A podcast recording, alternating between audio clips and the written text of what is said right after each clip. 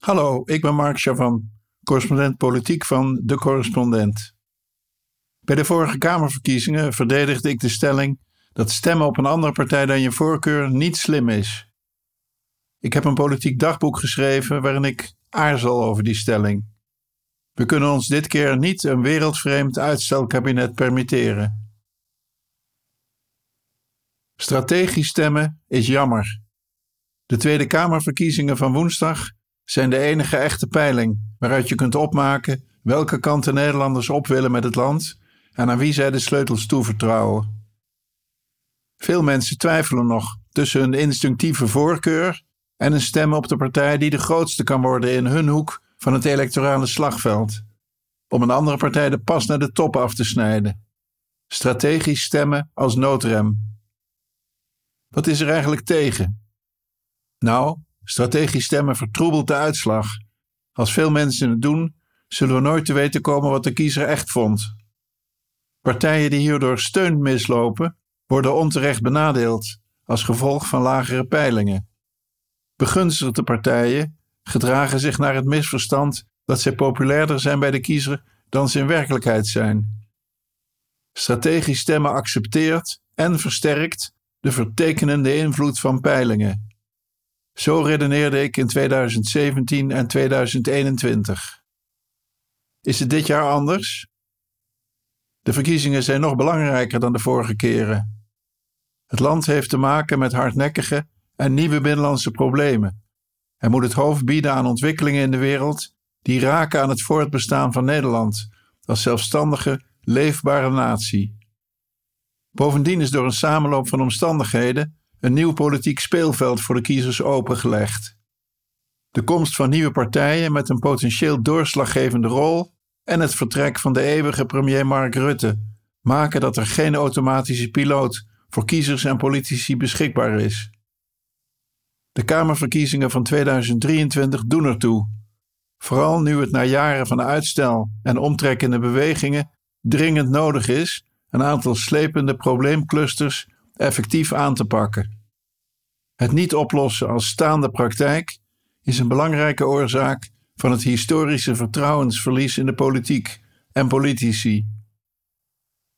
Ook in dit nieuwe speelveld zijn de argumenten tegen strategisch stemmen nog steeds van kracht. Wie bijvoorbeeld de voorkeur geeft aan BBB boven nieuw sociaal contract, kan beter die stem aan Caroline van der Plas geven dan aan Pieter Omtzigt. Wie geen van beide partijen vertrouwt, zou qua nestgeur uit kunnen komen bij het CDA, om in het stemhokje toch de VVD aan te kruisen, uit angst zijn stem weg te gooien. En de partij van Dylan Jesselgus daarmee de grootste te maken, met meer macht om het eigen programma uit te voeren dan de ware kiezerswil rechtvaardigt. Stel dat iemand overweegt VVD te stemmen, maar bang is dat die partij dit keer met de PVV gaat regeren. Dan is een strategische stem op omzichts NSC een mogelijkheid. Hij heeft de samenwerking met de PVV om rechtsstatelijke redenen zo goed als uitgesloten. Omzicht zal een grotere broek aantrekken dan hij verdient door zo'n strategische stem op zijn partij. Wie aan de andere kant een progressief kabinet wil, mag verwachten dat GroenLinks PvdA bij voorkeur zal samenwerken met alle geestverwante partijen. Dus wie zich het meest thuis voelt bij SP, Volt, Partij voor de Dieren of D66, hoeft niet op Frans Timmermans te stemmen. Dat geeft de krachtsverhoudingen binnen een eventuele centrum-linkse coalitie het zuiverste weer. Maar of links daarmee ook groot genoeg is om te regeren, is zeer de vraag. Je maakt de kans op een kabinet Timmermans groter door op hem te stemmen en neemt die andere linkse ideeën wind uit de zeilen. Omtzigt heeft zich vooralsnog niet laten verleiden door de lokroepen om met Timmermans samen te werken. Hij verkiest een CDA-achtige scharnierpositie die voor hem alle opties openhoudt. Wie in zijn deel van het kiezersbos bang is voor een VVD-premier of een rechtse coalitie, kan natuurlijk overwegen om Timmermans te stemmen. Door dat te doen vergroot die kiezer de kans dat GroenLinks PvdA de grootste wordt. En dat stelt Timmermans in staat het initiatief te nemen in de formatie om een coalitie te vormen die niet wordt gedomineerd door de VVD. Opnieuw, lage peilingen worden zo versterkt, goede peilingen leveren een onverdiende plus op. Daarom ook is het verkiezingsbederf om in journalistieke programma's de laatste peiling bijna voortdurend als de actuele stand van zaken aan te duiden, zoals zondag in Buitenhof gebeurde. Straatvechtersdebatten, zoals het debat van Nederland op SBS 6, versterken die peilingsvervorming verder. De uitnodigingen zijn gebaseerd op peilingen. De formule van vrij schieten en schelden gaven een emotionele zwiep in de peiling die direct daarna werd gepubliceerd, die van Maurice de Hond. Al Wilders deed het zo goed in het debat, was een veelgehoord commentaar na afloop. Ja, inderdaad, op het nummer tegenstander bij de knieën afzagen. Hij is helemaal geen democraat, met zijn discriminerende eenmanspartij. Strategisch stemmen op grond van zulke shoot-out debatten is vooral emotie. Het tegendeel van weloverwogen strategisch stemmen. Of breekt noodwet dit keer? Heiligt de afkeer de middelen? Het is denkbaar dat gematigd rechtse kiezers zo bang zijn voor een coalitie geleid door Dylan, deur op een kier Jesselgus met Wilders, dat ze hun stem op het CDA of ergens anders in het gematigd linkse spectrum uitbrengen. Het veld is zo verbrokkeld en de inzet zo groot dat het wel eens bij uitstek de verkiezingen van het strategisch stemmen zouden kunnen worden. Met een strategische stem breng je in wezen een tweede stem uit, op een partij en op de meest geschikte premierskandidaat. Wie liever Timmermans dan Jesselgus als premier wil, maar qua partijstandpunten uitkomt bij D66, Volt of Partij voor de Dieren, SP, stemt misschien onder de huidige omstandigheden toch op GroenLinks PvdA, met alle genoemde vertekeningen die daar het gevolg van zijn. Strategisch stemmen heeft het meeste zin als je invloed wil uitoefenen op de coalitie die straks wordt gevormd. Als je het met Omtzigt eens bent, hij zegt dat een minderheidskabinet een geschikt experiment is, dan is er minder aanleiding strategisch te stemmen. Laten de ware krachtsverhoudingen dan maar zichtbaar zijn. Een belangrijk punt waar de kiezer geen invloed op heeft, een van de vele, is het premierschap. Keer op keer is Omtzigt gevraagd naar zijn bereidheid minister-president te worden. Hij zegt, staatsrechtelijk terecht, dat de premier niet zo belangrijk is, want niet meer dan de eerste onder zijn gelijken. Zondag zei hij voor de eerste keer toch het premierschap te willen overwegen, maar dan van een kabinet van vakministers op enige afstand van de Kamer.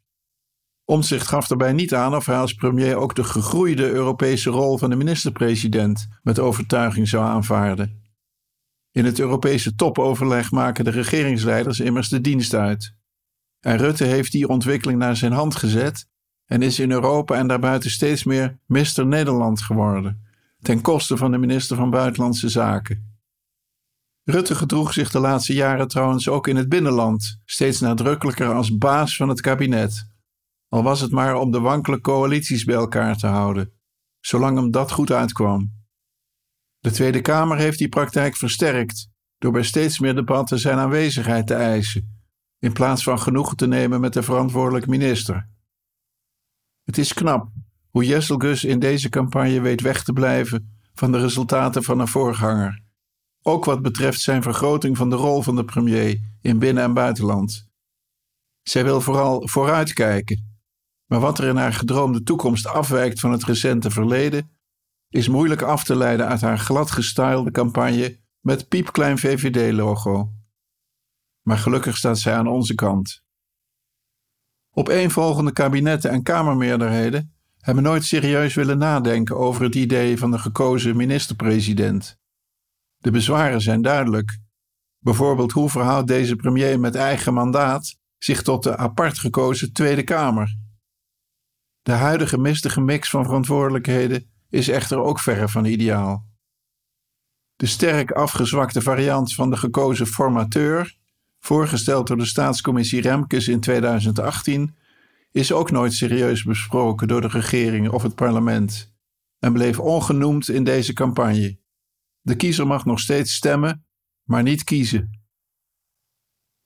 om zich stelt, opnieuw terecht, dat het parlement zelf de balans tussen premier en kabinet aan de ene kant en de Kamer aan de andere kant kan herstellen, door meer tegenmacht op de been te brengen. Daarvoor moeten potige parlementariërs in de blauwe stoelen zitten. Het zou nog steeds de moeite waard zijn als Omtzigt zijn instinct volgt wat dat betreft, ook na de verkiezingen. Dat betekent dat hij zijn nieuwe fractie zelf gaat leiden. VVD-leider Frits Bolkestein ging er met succes voor in de jaren 90, toen zijn partij meeregeerde. Hiermee samenhangend doet een ander populair misverstand weer uitgebreid de ronde. De wetmatigheid dat de grootste partij de premier levert. Dat staat nergens.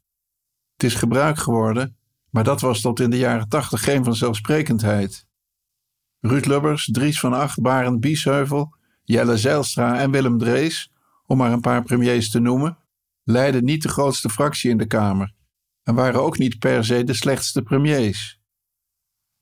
De nieuwe Kamer kan dus na 6 december, de dag waarop zij wordt geïnstalleerd, besluiten dat een ander dan de voorzitter van de grootste fractie de beste is om het kabinet te leiden en het land in het buitenland te vertegenwoordigen, na al dan niet informateur of formateur te zijn geweest. Nederland is van oudsher door het centrum geregeerd, meestal over rechts, als het niet anders kon over links. Dat was logisch toen het CDA de grootste was en samen met de VVD of de PvdA aan de meerderheid kwam. Naarmate de fracties kleiner werden, moesten er meer partijen aanschuiven om de 76 zetels te halen. Nu het klassieke midden vrijwel is verdampt, zijn er geen vanzelfsprekendheden meer. Terwijl velen sociaal-economisch een actieve linkse overheid verlangen, verhogen bestaansminimum, bouwen, bouwen, bouwen, klinkt er ook steun voor cultureel conservatieve pleidooien. Het beperken van de instroom van migranten bijvoorbeeld. De partij die daar het meest in de buurt komt is misschien NSC van Pieter Omtzigt. Of daarmee het oude gezegde alles verandert opdat alles hetzelfde blijft, ook waarheid blijft, is mij de vraag. Wie op het laatste moment bezorgd is over de uitkomst van dit spektakel, kan overwegen strategisch te stemmen. Een mooi voorbeeld stond zaterdag in de Volkskrant. Een lezer riep progressieve liberale VVD'ers op om voor één keer niet op de VVD te stemmen en hun geweten te volgen. Bijvoorbeeld om te voorkomen dat Jesselgus de linker vleugelspeler wordt van een nieuwe rechtsconservatieve coalitie. Al met al, strategisch stemmen blijft jammer, rommelig en onwenselijk, maar is dit keer wel te begrijpen. De correspondent bestaat tien jaar. Al tien jaar maken wij journalistiek voorbij de waan van de dag. Journalistiek die niet polariseert, maar perspectief biedt. Die geen ophef najaagt, maar oplossingen zoekt. Wist je dat de correspondent 100% door leden wordt gefinancierd? Dat betekent dat we ons werk alleen kunnen doen als luisteraars zoals jij ons steunen. Word vandaag nog lid. En draag bij aan diepgravende, advertentievrije en onafhankelijke journalistiek. Ga naar decorrespondent.nl en word lid.